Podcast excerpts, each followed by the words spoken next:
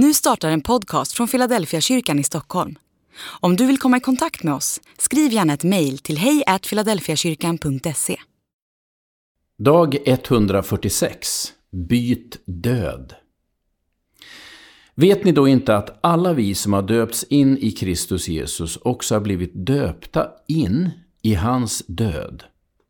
Genom dopet har vi alltså dött och blivit begravda med honom för att också vi ska leva i ett nytt liv, så som Kristus uppväcktes från de döda genom Faderns härlighet.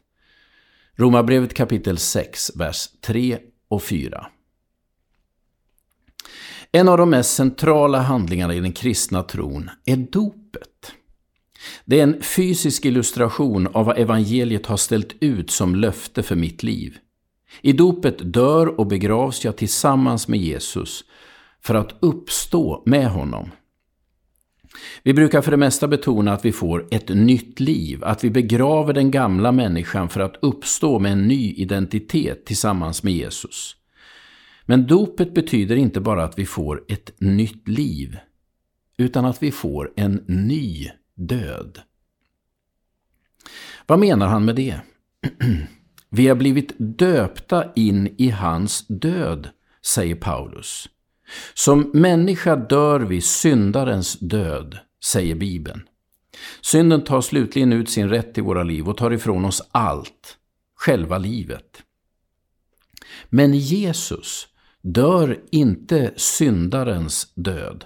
Han dör sonens död. Han går inte bort och, han går, och hans liv går inte förlorat. Han går hem till sin far till sitt verkliga hem. När Jesus ska dö säger han, Fader, i dina händer överlämnar jag min ande. Hans liv slocknar inte och han seglar inte iväg till något dunkelt dödsrike. Han överlämnar sig i sin faders händer. Dopet säger att du får en ny död. Du ska inte längre dö syndarens död. Du får dö sonens död. Du går inte bort, som man ibland säger. Du går hem till din himmelske far. Vi ska fortfarande dö, men du har fått en ny död.